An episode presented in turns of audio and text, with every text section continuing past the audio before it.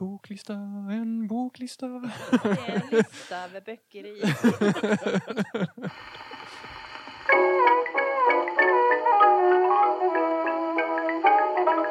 Goddag allmänheten! Ni lyssnar på Bibblan svarar, en podcast som görs av biblioteken i Uddevalla i samarbete med den nationella svarstjänsten Bibblan svarar.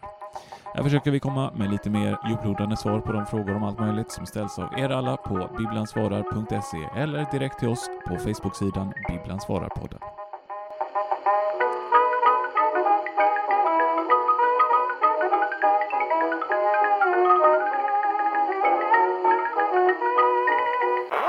Så, välkomna till ett nytt avsnitt av Bibblan svarar-podden. Jag heter Anton Joling och idag har jag med mig mina fina kollegor. Andrea Haglund, hej hej. Och Tobias Nordberg. hej på er! hej. Sen? Och idag ska vi prata om hur författare tjänar pengar på biblioteken Mm. och fritt fall. Just det. Kanske finns ett samband däremellan, det får vi se.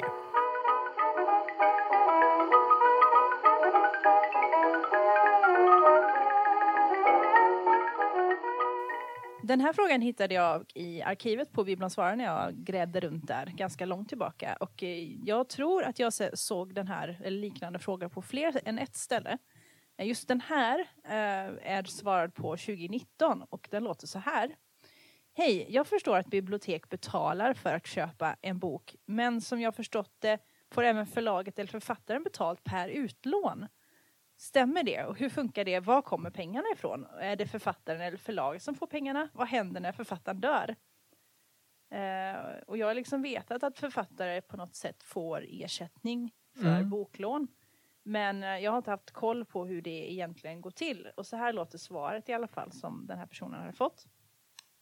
Det stämmer att det betalas ut en ersättning till författaren för boklån. Den ligger på cirka en krona per lån och cirka 50 öre för en översättning, så hälften då. Men för att få ersättningen utbetald till en enskild författare måste utlån uppgå till 2000 lån.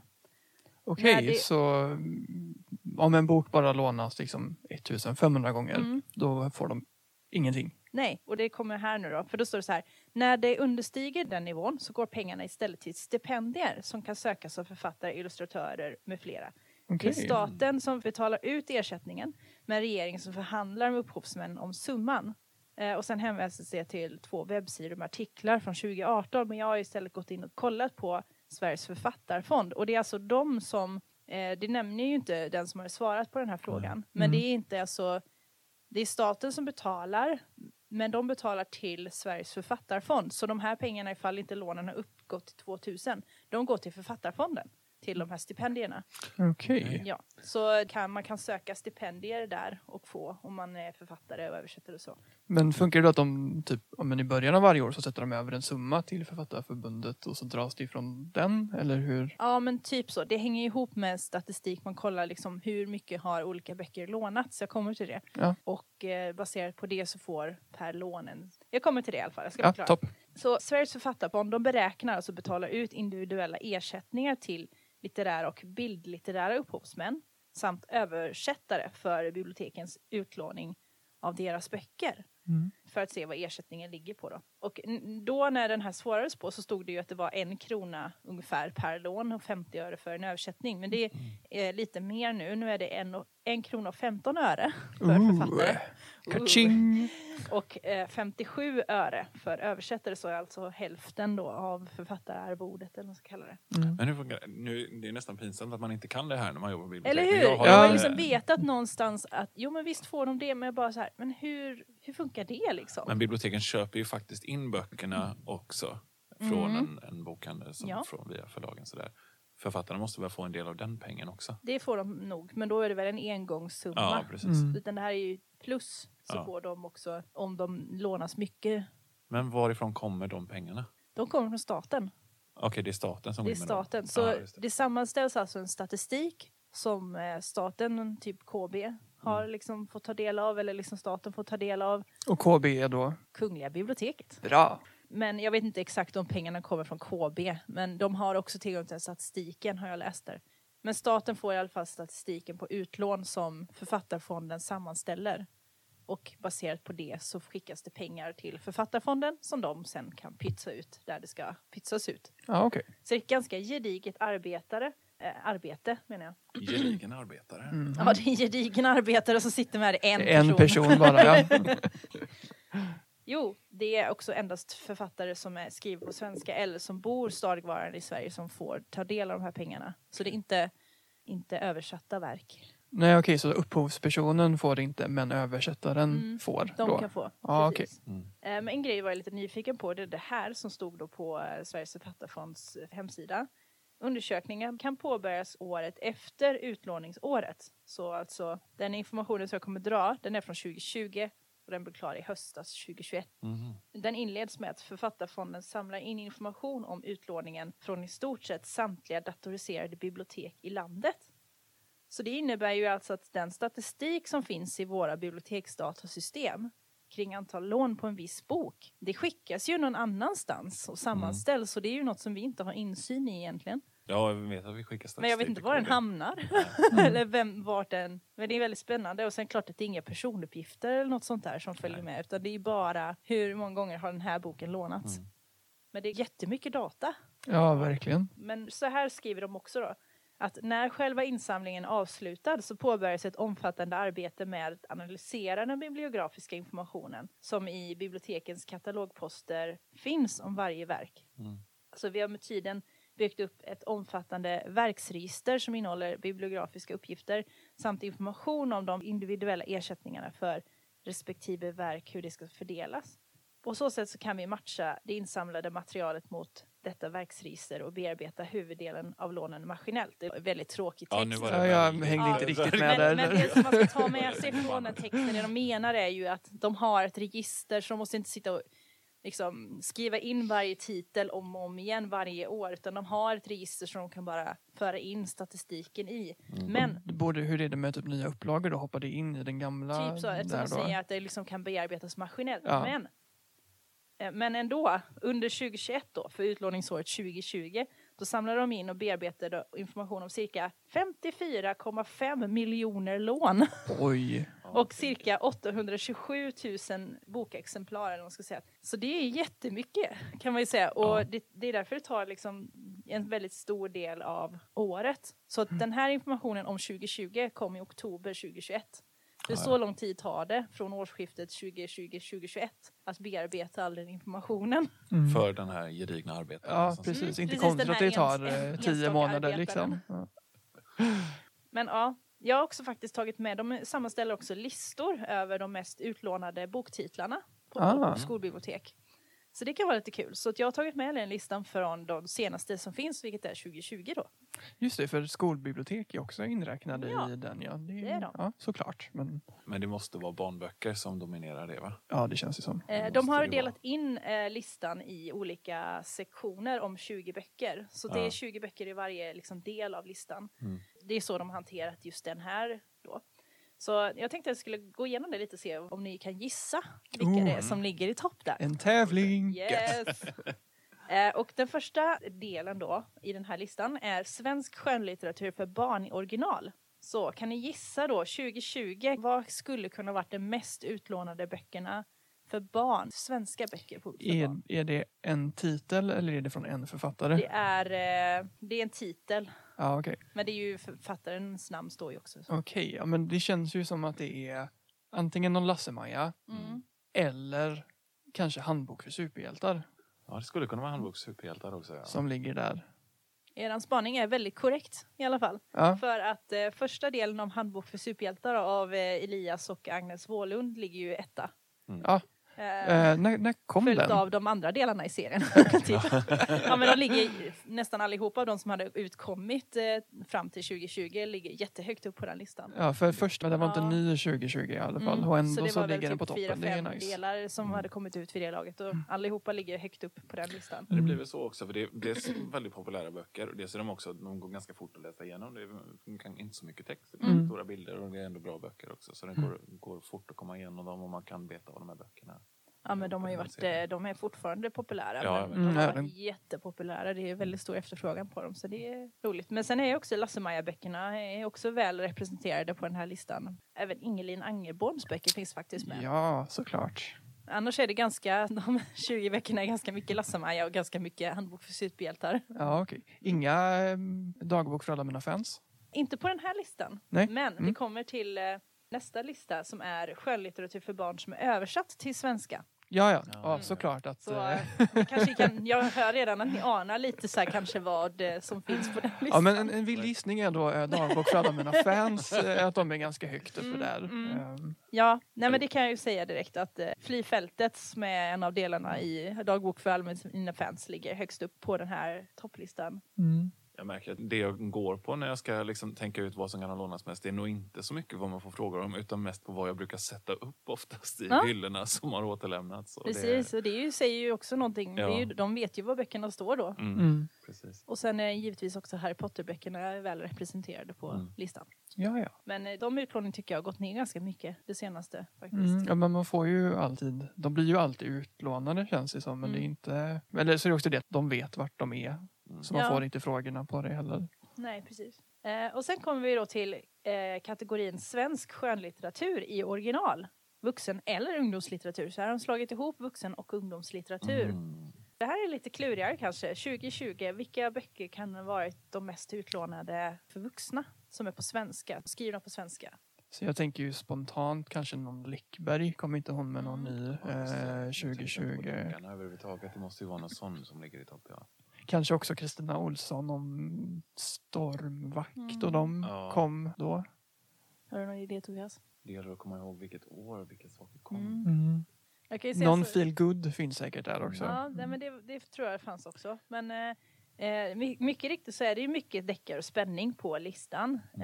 Eh, med författare som till exempel då Camilla Läckberg med sina eh, Bur av guld och de böckerna. Vad är det som är i Eh, topp? och, Är det en deckare som är i topp? Nej, det är faktiskt inte det. Det tyckte jag var lite spännande. Är det en nyutgåva av Dostojevskij som ligger på första plats? Man skulle kunna tro det. Men det är faktiskt Karin Smirnoffs böcker Ja. som ligger överst. Alltså jag får ner till bror, vi Mm. får upp med mor samt sen får jag hem. Jag älskar Hade de, de- titlarna. Hade de Mm. hunnit komma ut allihop redan då? Ja, för allihopa var med på listan. Okej. Mm. De kom ut nog ganska kort emellan varje. Jag har för mig att Mm. nästan alla kom ut samma år. Så det tyckte jag var lite roligt att det Mm. inte var en deckare faktiskt. Och så har vi då också svensk eh, skönlitteratur i översättning. Eh, Vuxen eller ungdomslitteratur. Mm, Jojo Moyes. Ja, Jojo Moyes kan det vara. Ni har faktiskt helt rätt. Är det nummer ett? Nummer ett på listan är faktiskt eh, Jojo Moyes Bergens stjärnor. Och jag Ah. blev faktiskt lite förvånad för jag trodde att Lucinda Rileys böcker skulle ligga överst. Ja, just det. De måste ligga högt också. Ja, Ja. det gör de. De ligger också väldigt högt upp. Men mest utlånade var faktiskt Jojo Moyes Bergens stjärnor följt av Jussi Adler Olsens Offer 2117. Okej. Men det Men på tredje plats så ligger spänning. Lucinda upp med Månsystern. Ja. Eh, och även de andra böckerna i den serien, De sju systrarna, finns med på listan. Mm. Sen finns också, jag, jag har inte tagit med det här, men det fanns också en lista för facklitteratur. Mm. Eh, jag kan ju bara nämna att den som låg överst på, eller så vill ni kanske gissa. Alltså är det räknas biografier som Ja. fack så skulle jag gissa på att det är en biografi. Det kan ju Eh, också vara jag kan- typ jag kan- körkortsboken. Ja, oh, Nej, men jag smart, kan, smart. det, var, det var en intressant spaning. Men, men då var det också indelat på samma sätt. Skrivet på svenska och översatt till svenska. Och båda som låg i topp var... Den, den på svenska var inte en biografi per se. Men jag vet inte vad jag skulle klassa den som. Det är i alla fall Klubben Jaha. av Ah, ja. eh, Matilda. Hon heter Matilda Gustafsson va? Ja. Mm. Ja. Eh, och den är väl, det finns väl några biografiska inslag i den tror jag. Jag har läst den men jag kommer inte riktigt ihåg. Eh, och översatt så var det Tara Westover, Så allt jag fått lära mig. Mm. Ja. Den eh, är ju en biografi. Och väldigt bra. Och eh, utöver detta så har också Sveriges författarfond gjort en lista på de mest utlånade upphovspersonerna. Alltså både författare och illustratörer. Om man räknar igenom det totala antalet lån på alla upphovspersonernas böcker. Vilka personer som har lånats mest om man säger så. Där har vi ju Widmark då. Där har vi Widmark, ja. Högst i topp, eh, vilket det nog har varit i flera år tror jag. Många år har varit Martin Widmark och Helena Willis som då är illustratör på Lasse-Maja-böckerna. Mm. Eh, Och eh, följt av eh, Helena Bross som ju har skrivit mycket Ja. lättlästa böcker för Mm. barn. Det är ju bara the sheer volume som hon eh, Exakt. skriver känns det som. Det är det som kan vara lite missvisande och, och som de också skriver att eh, det är ett litet problem att se Mm. vilka som är mest populära som författare, man säger. För att det är väldigt mycket barnboksförfattare på Mm. den här listan. Mm. Men de har ju skrivit också kortare böcker och fler ofta. Mm. Så då klart, det blir ju lite konstigt att dra slutsatser kring det. Men Så den listan har ingen uppdelning. nej, Där där är det bara är- rankade eh, vilka som har lånats mest. Är högt illustratörer... Har de en egen lista eller Nej, är de det illustratörer med där? Det är därför som eh, Willis eh, Martin. Widmark ligger det. etta och Helena Willis ligger tvåa. Ja, Ja. det. Och hon är illustratör. Ja. Mm. Och barnen lånar ju ofta böckerna också om och om, om igen. Ja, Ja. precis. Så att, jag vet inte, vuxenböcker tror jag man lånar ganska ofta bara ett par gånger. Men hade du någon vuxenförfattare på den listan sa Eh, du? ja, alltså det fanns det ju en bit ner. Om jag läser den här listan rätt så är det ju först på plats 48 som jag hittar en vuxenförfattare och det är Nora Roberts. Mm. Mm. För sig, Kristina Olsson ligger faktiskt på plats 28 men hon har ju skrivit både för barn och vuxna. Mm. Ja, precis. Sen kom jag in på en annan grej när jag ändå höll på att kolla på det här med hur utlån och eh, ersättningar fungerar till författare och det är e-böcker. Men jag kände att det, det är liksom en helt annan fråga som är också väldigt intressant och ganska stor. Så jag tror vi, vi sätter ett bokmärke på den frågan Ja, helt enkelt. Så återkommer vi till den i ett annat avsnitt. Det låter bra. Mm.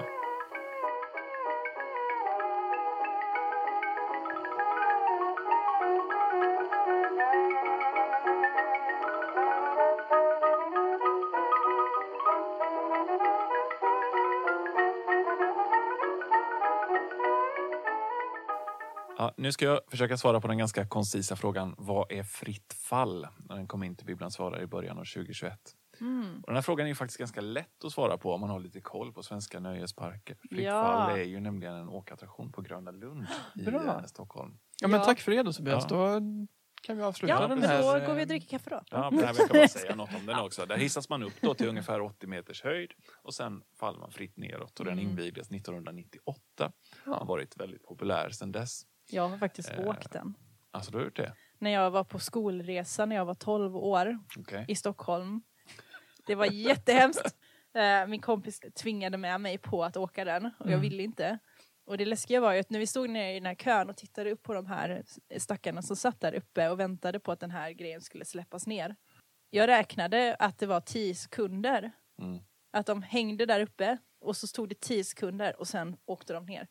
Så då tänkte jag vad skönt, då vet jag ju liksom hur lång tid det kommer ta när jag sitter där uppe. Då kan jag vara förberedd. Och så his, äh, eh, sitter jag där och så hissar de upp en och så börjar jag räkna en, två, tre, varpå hela den här rum, bara åker rakt ner. Så jag vet inte om den personen som stod där och tryckte på de här knapparna hörde att jag sa det.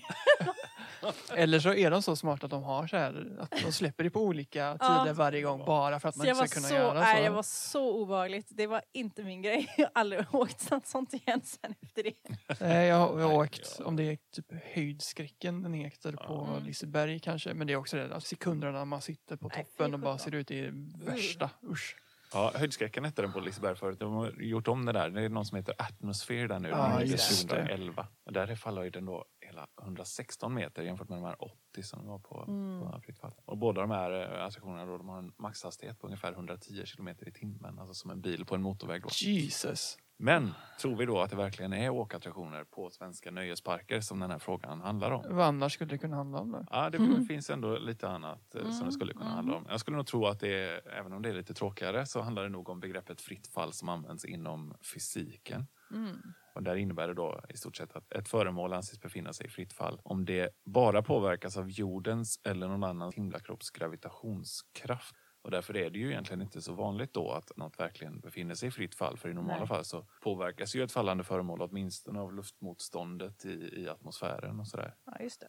Så man kan säga så här att om jag här och nu skulle hålla en, en fjäder i ena handen och en blykula i den andra och sen släppa dem samtidigt. Ja, vilken av dem skulle träffa marken först? Ja, Jag gissar ju på blikulan. Ja. Ja. Ja, jag hade tänkt gissa fjärden, men nu känner Alltså. jag mig dum. Ja, det, Nej, jag skojar. jag, jag förstod det.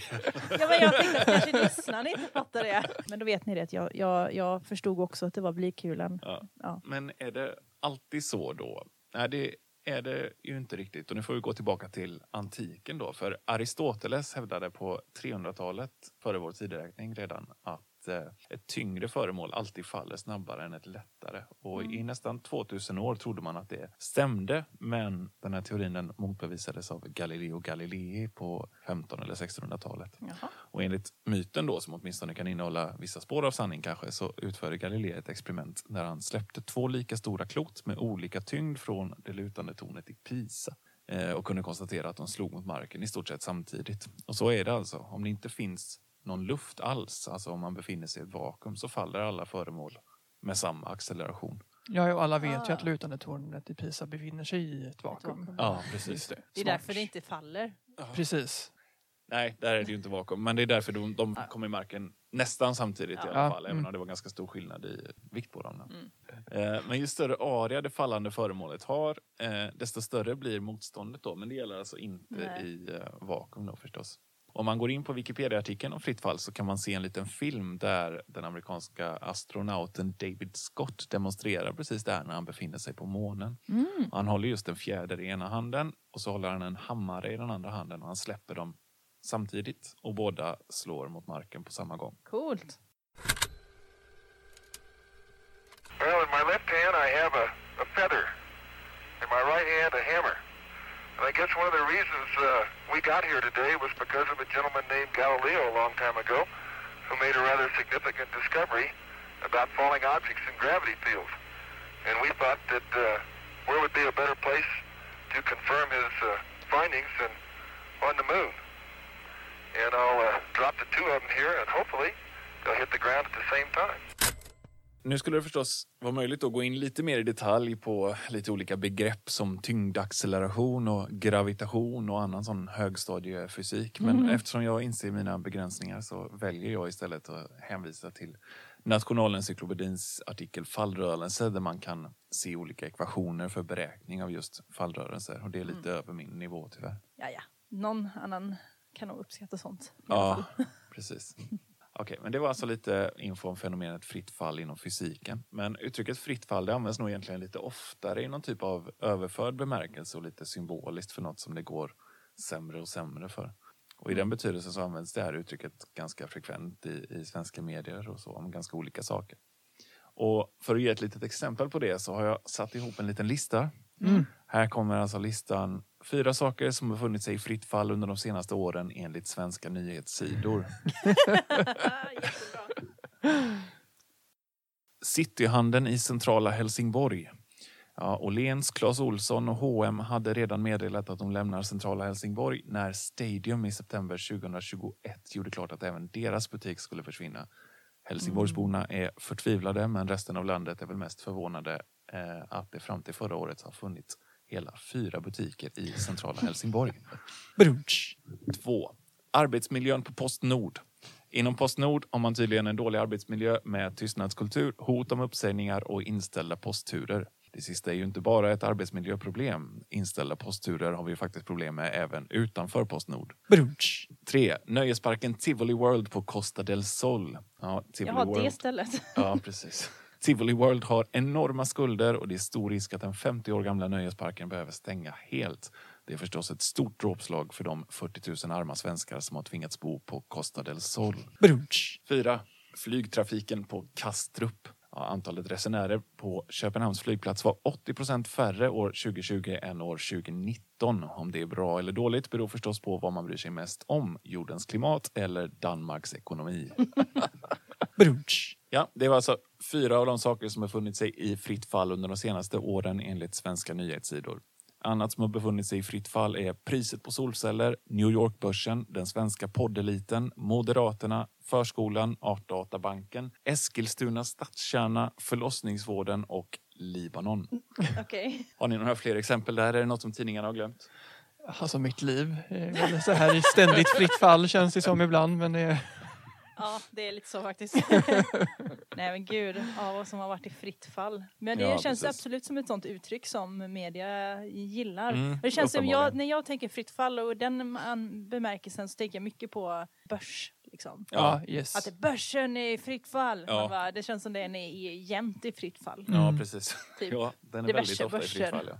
Och kronans värde är i fritt fall. Ja. Eller ja, jag vet inte. Ja, Någon valuta i alla fall. Någon valuta är i fritt fall jämt. Jag blir lite nyfiken på hur den svenska poddeliten är i fritt fall. Ja, Ja. och vilka är det egentligen? Det är nog inte. Jag har Nej, inte märkt är- av någonting tänkte jag säga.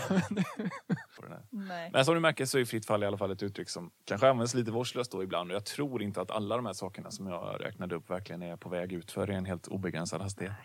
Och I de flesta fallen är väl det eh, en väldig tur också då. Vi vill ju inte att förlossningsvården eller förskolan eller ens arbetsmiljön på Postnord ska försämras. Sen hade det kanske inte gjort så mycket med ett fritt fall heller ibland. Jag menar priset på solceller som jag nämnde, det får ju gärna gå ner. Absolut. Och den svenska poddeliten då som sagt, de kan ju få lämna lite plats åt oss kanske. Ja, absolut. Ja. Och, och möjligen då så förtjänar ju även Eskilstuna stadskärna att befinna sig i fritt fall. Men eh, där har jag aldrig varit så jag vågar inte säga något helt säkert om det. Ja, det var allt vi hade att bjuda på idag. Källor till det vi har pratat om nu, det hittar du i avsnittsbeskrivningen. Har du också en fråga om precis vad som helst? I så fall får du gärna ställa den på Facebook-sidan Bibeln svarar-podden så vi kan ta upp den i framtida avsnitt. Vill du vara helt säker på att få ett svar på din fråga kan du gå in på bibblansvarar.se och ställa den där. Om du gör det så kommer du få ett väl underbyggt svar och kanske kommer vi så småningom att utveckla svaret i podden. Du har lyssnat på Bibblan svarar, en podcast som görs av biblioteken i Uddevalla i samarbete med den nationella svarstjänsten Bibblan svarar.